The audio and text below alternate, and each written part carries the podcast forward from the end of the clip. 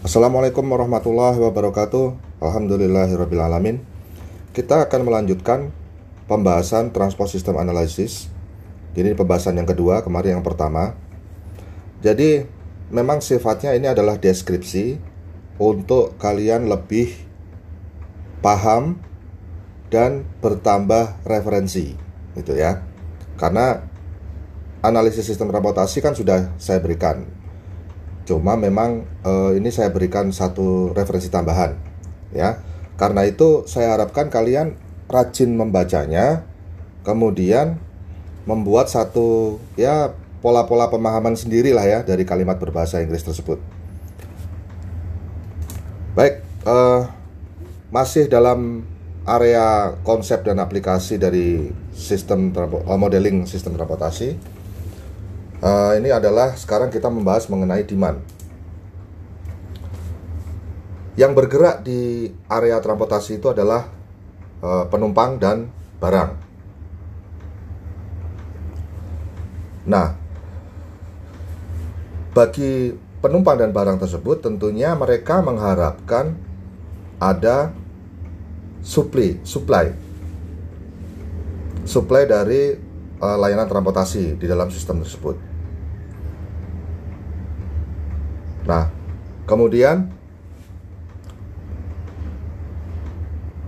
travel demand atau demand terhadap uh, transportasi atau perjalanan tersebut itu memang menjadi utama dalam analisis dan modeling di sistem transportasi. Makanya kebanyakan dari kita selama ini hanya mem, uh, fokus pada travel demand atau demand itu sendiri, kebutuhan lalu lintas.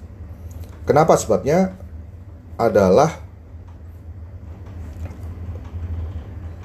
dibangunnya fasilitas transportasi itu dengan memang dengan tujuan untuk mem memenuhi kebutuhan dari demand itu, memuaskan kebutuhan demand, ya kan? Jadi ori demand oriented ya seperti itu.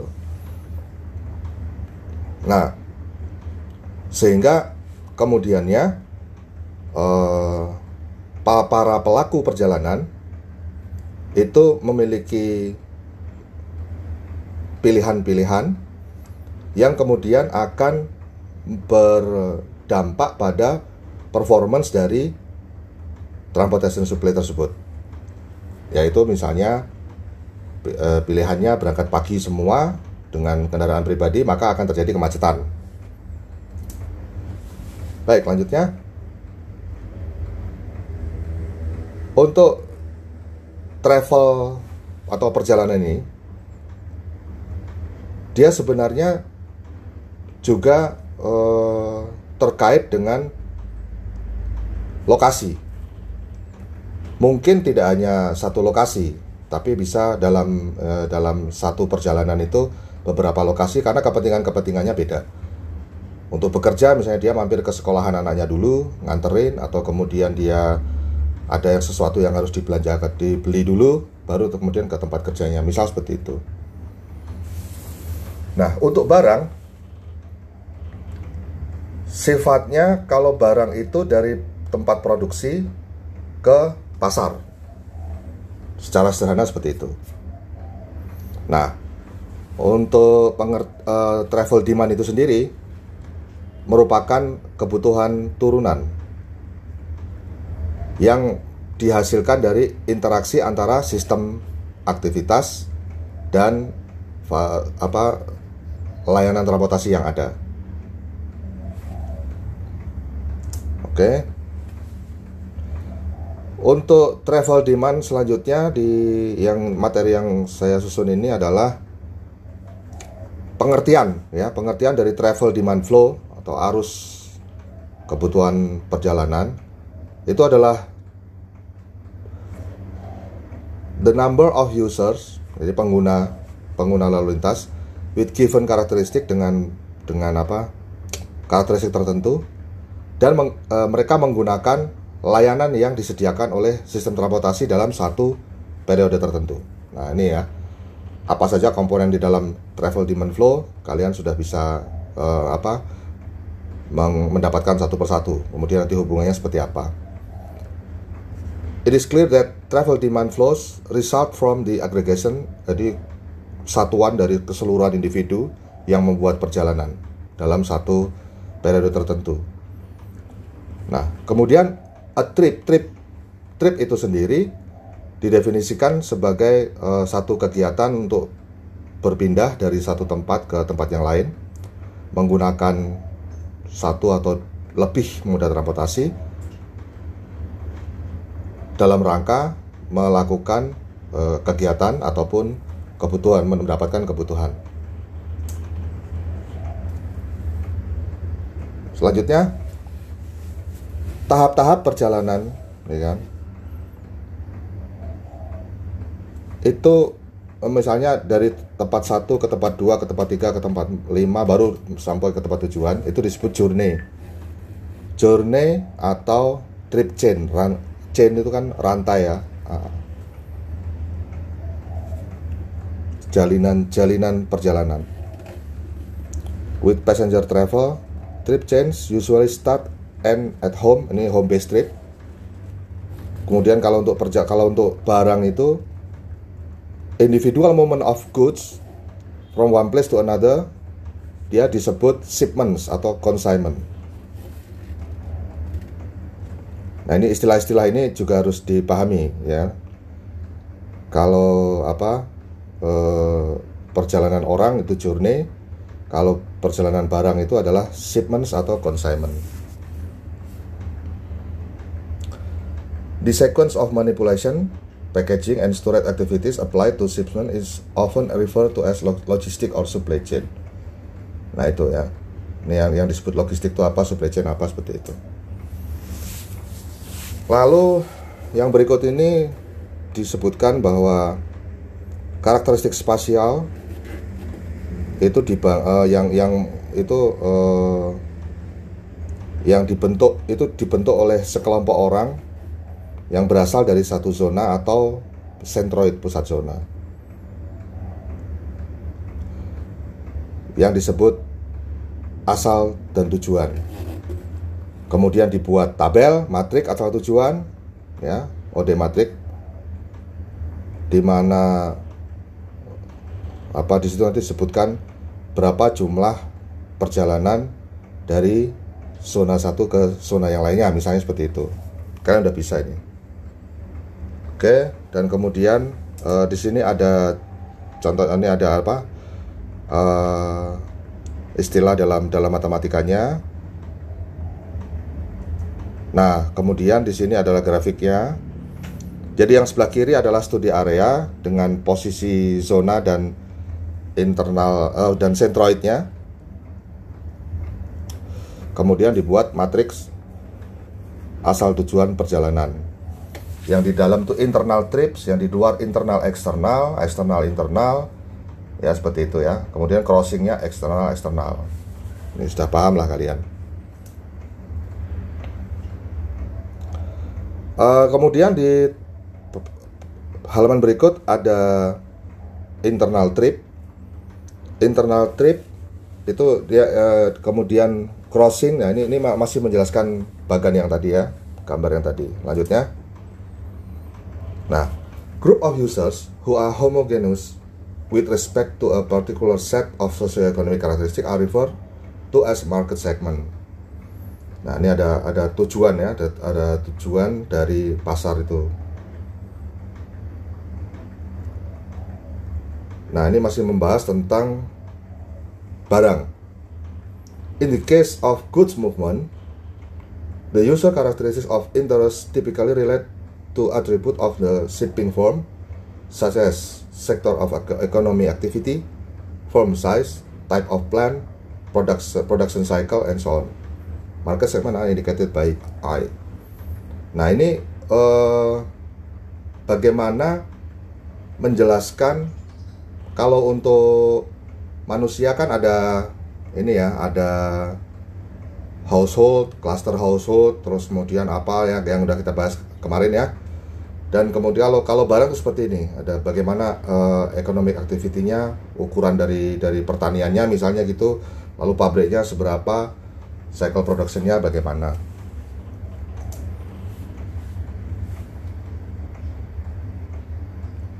Nah ini ini materi ini yang yang berikutnya ini silakan dipahami. Ini masih bersifat uh, penjelasan terhadap karakteristik-karakteristik tadi.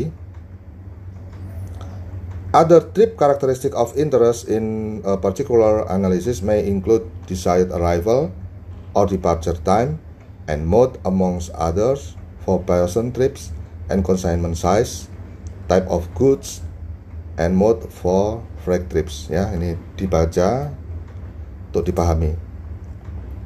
Baik, kita sekarang masuk ke, kepada modeling transportasi sistem bagian keempat Suatu desain atau evaluasi membutuhkan uh, kuantifika uh, kuantifikasi dari interaksi antar elemen dan peramalan ke depannya transport system seperti apa.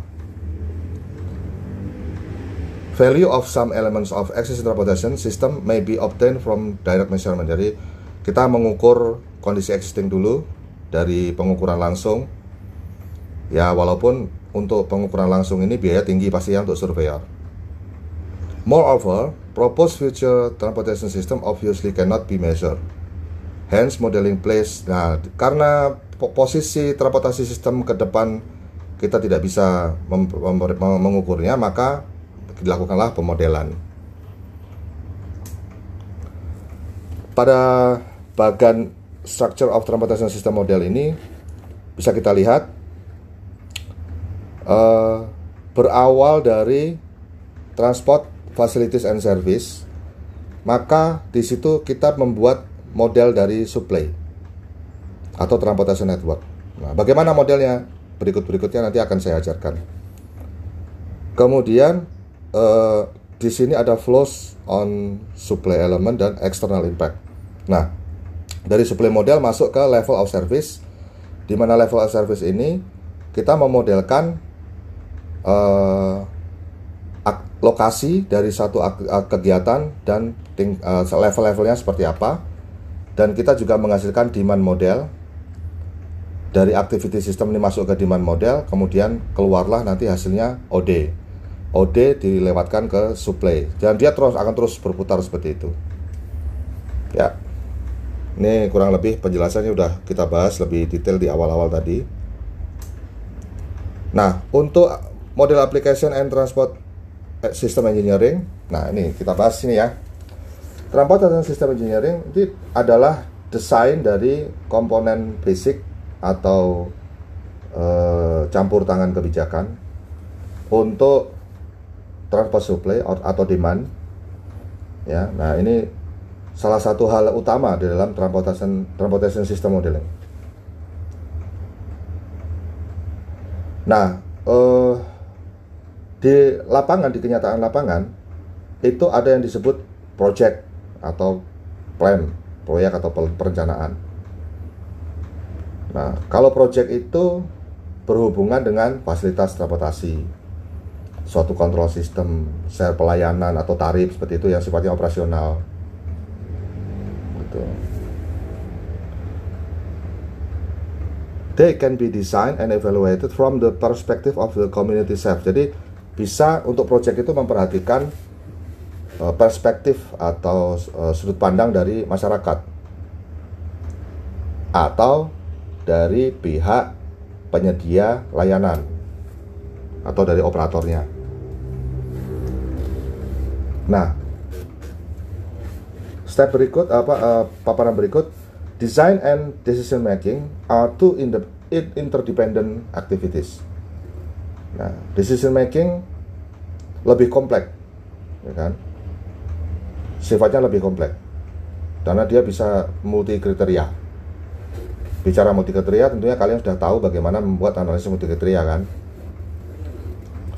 Nah, kemudian uh, project concerning decisions the or typical point of view of a transportation operator. Nah, ini pelaksanaannya. Jadi memang nanti akan ada ada akan ada skala prioritas untuk proyek-proyek mana yang akan dilakukan.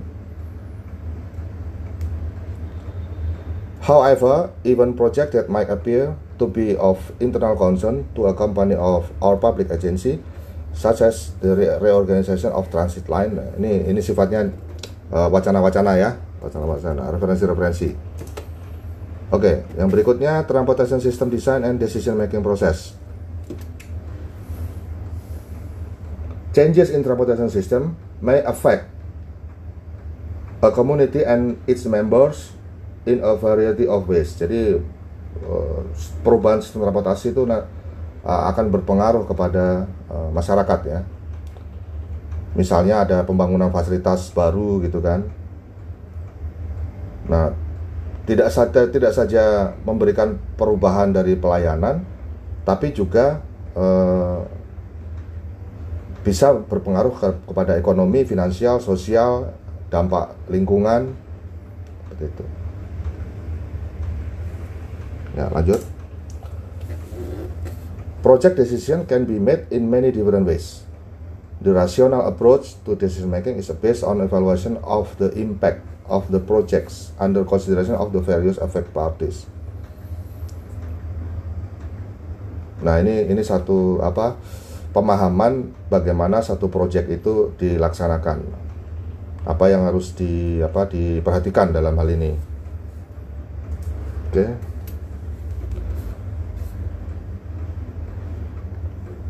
Increasing recognition over the years of the importance of such long-term dynamic effects has resulted in changes in the very concept of planning. Planning is no longer seen as an activity that leads to the preparation of a single master plan, identifying a set of projects to be implemented over a long period time of time.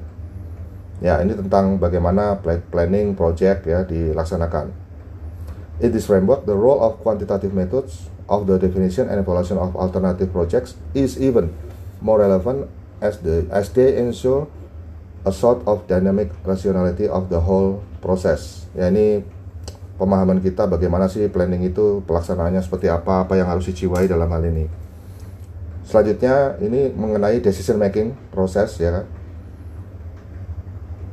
Nah, the theoretical analysis that have led to planning theory as a theory of collective decision making are beyond the scope of this book ya. Ya ini nah, di buku ini uh, akan dibahas lebih lanjut bagaimana mengenai theoretical analisisnya, ya kan, planning teorinya seperti apa. Oke, ini masih catatan-catatan saja sifatnya. Selanjutnya ada bagan transportasi sistem transportation system design and the planning process. Nah, sistem desain itu meliputi yang abu-abu itu ya. Mathematical model, mathematical model, kemudian dia masuk uh, nanti akan menghasilkan skenario. Di sini dia dari matematikal model ini ada activity system, transportasi system yang uh, analis analisisnya kondisi yang sekarang, kemudian membuat alternatif, lalu asesmennya seperti apa untuk menghasilkan alternatif solusi atau kemudian pemilihan dan dan, dan pelaksanaannya. Betul ya, ini urut-urutan logis dalam perencanaan dan implementasinya dan bagaimana posisi pemodelan di situ. Nah, keterangan yang berikut ini masih membahas tentang uh, apa bagaimana konsepnya itu tadi beberapa hal penting. Jadi ini ini kata kalimat-kalimat kunci ya itu yang yang harus dipahami sama kalian. Buatlah uh, buatlah kalimat-kalimat pokok saja alurnya seperti apa sehingga ketemulah mungkin satu atau dua halaman cukup nah, itu ketemu semua bagus sekali itu. Nah, dalam kita memodifikasi sistem transportasi itu dapat di apa lakukan dari berbagai sudut pandang. Apakah mungkin dari operator, pemerintah, masyarakat seperti itu ya, biasanya seperti itu. Oke, lanjut. Nah, membahas mengenai public decision maker eh, yang diutamakan biasanya tentang safety. Kemudian biaya yang lebih murah. Ya kan? Lalu eh, mereka lebih terbantu dalam eh, penyebaran perjalanannya, banyak keuntungan-keuntungan. Peningkatan aksesibilitas untuk ekonomik dan social activity ya. Nah, inilah sudut pandang dari eh, masyarakat ya, contohnya variabel-variabel penting dari sudut pandang itu ada di sini. Environmental resources, reducing the public deficit, macam-macam. Oke, selanjutnya. Yang selanjutnya ini masih merupakan uh, ini energy consumption dan environmental conservation ya. Masih sama dari sudut pandang masyarakat. Nah, kita lihat di sini in the analysis of the present situation base data on the transportation and activity system are collected. Jadi di, eh, untuk untuk kondisi existing dilakukan survei-survei pengumpulan data. Kemudian data are used to analyze. Data tersebut akan akan digunakan untuk uh, present system state, jadi meng, uh, mengetahui bagaimana kondisi sistem saat ini dan identifikasi dari uh, penyimpangan-penyimpangan yang menjadi critical point. Ya. The critical aspect should be corrected or mitigated by the plan. Jadi setelah diketahui, setelah dilakukan survei, maka didapatkan kondisi kondisi existing dengan dengan bagaimana idealnya terjadi critical point, perbedaan-perbedaan itu, nah itu nanti akan dilakukan koreksi-koreksi dan mitigasi dalam rangka uh, pengeterapannya di operasional. Nah, di sini juga nanti mathematical modeling itu nanti akan akan ada juga di sini. Oke, lanjut. Ini masih membahas yang tadi ya, next step yang seperti apa. Oke, lanjut lagi. Nah, in general, cobalah cari apa ini yang bagian in general Several alternative project can be proposed in response to predefined objective. Ya, ada beberapa ada beberapa skenario ya. One alternative is the non-intervention atau ini dibilang do nothing option. Kemudian more realistically, the do minimum option involves implementing committed division. Nah, jadi kalau saya juga juga ini ya, jadi saya tidak menyebut do nothing, tapi do minimum karena mak maksudnya gini kalau ya ya sih masa masa nggak berbuat sama sekali ya kan misalnya kita dalam kasusnya uh, jalan ya. Masa nggak ber berbuat sama sekali? Lah orang nyapu jalan itu kan juga berbuat. Dia membersihkan lingkungan jalan. Tapi tidak berdampak kepada kinerja jalan. Yang kita harapkan misalnya uh, kinerja jalannya meningkat. Apakah dengan menyapu jalan itu bisa kemudian meningkatkan? Ya enggak tapi kan tetap ada yang dikerjakan, makanya lebih cenderung disebut do minimum. Ya, itu. Selanjutnya ini bagaimana nanti untuk assessment and evaluation-nya ke depannya seperti apa. Terus di catatan-catatan ini penting lagi untuk peramalan seperti apa. Technical assignment, eh, technical technical assessment of the project con concludes the system design by sama Oke, ini catatan-catatannya banyak. Nanti dibaca sendiri, kemudian disingkat-singkat dihubung-hubungkan ya. Begitu cara belajar seperti itu. Nah, kemudian sampai masuk kita ke area aplikasi. Area aplikasi yang pertama disebut strategic planning. Strategic planning planning itu uh, dia modelnya long term 10-20 tahun untuk investasi ya sifatnya seperti itu nah urban regional ini oke okay. Untuk strategic plans uh, ini di sini dijelaskan banyak hal di antaranya akan berpengaruh kepada structure and functioning of the whole system Nah ini makanya harus hati-hati karena strategic plan ini eh, keseluruhan itu sifatnya ya. Nah contohnya ini evaluation of the lines effect cannot be limited to the public transportation system because the demand split among modes may well change, producing significant effects on road congestion, parking availability, and so on. Ini contohnya ya keterlibatan apa uh, pengaruh dari strategic plan. Terus kemudian uh, pembahasan mengenai time horizon ada contoh-contohnya juga. Nah, kemudian area aplikasi selain strategic planning adalah Visibility Studies. Yang disebut visibility studies itu adalah uh, penilaian dari kemungkinan secara teknis, keuntungan ekonomi, tingkat prioritasnya, kemudian uh, menentukan jenis modanya apa untuk satu proyek transportasi.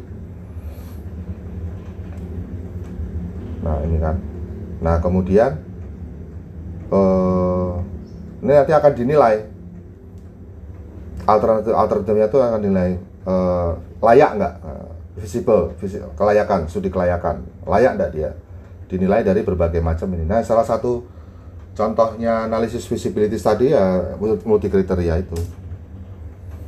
Kemudian ini penjelasan penjelasannya untuk untuk untuk visibility studies dan kemudian yang berikutnya adalah area tactical planning tactical planning itu sifatnya dia short atau medium ya untuk satu skenario transportasi jangka pendek, mediumnya seperti apa, menengahnya seperti apa.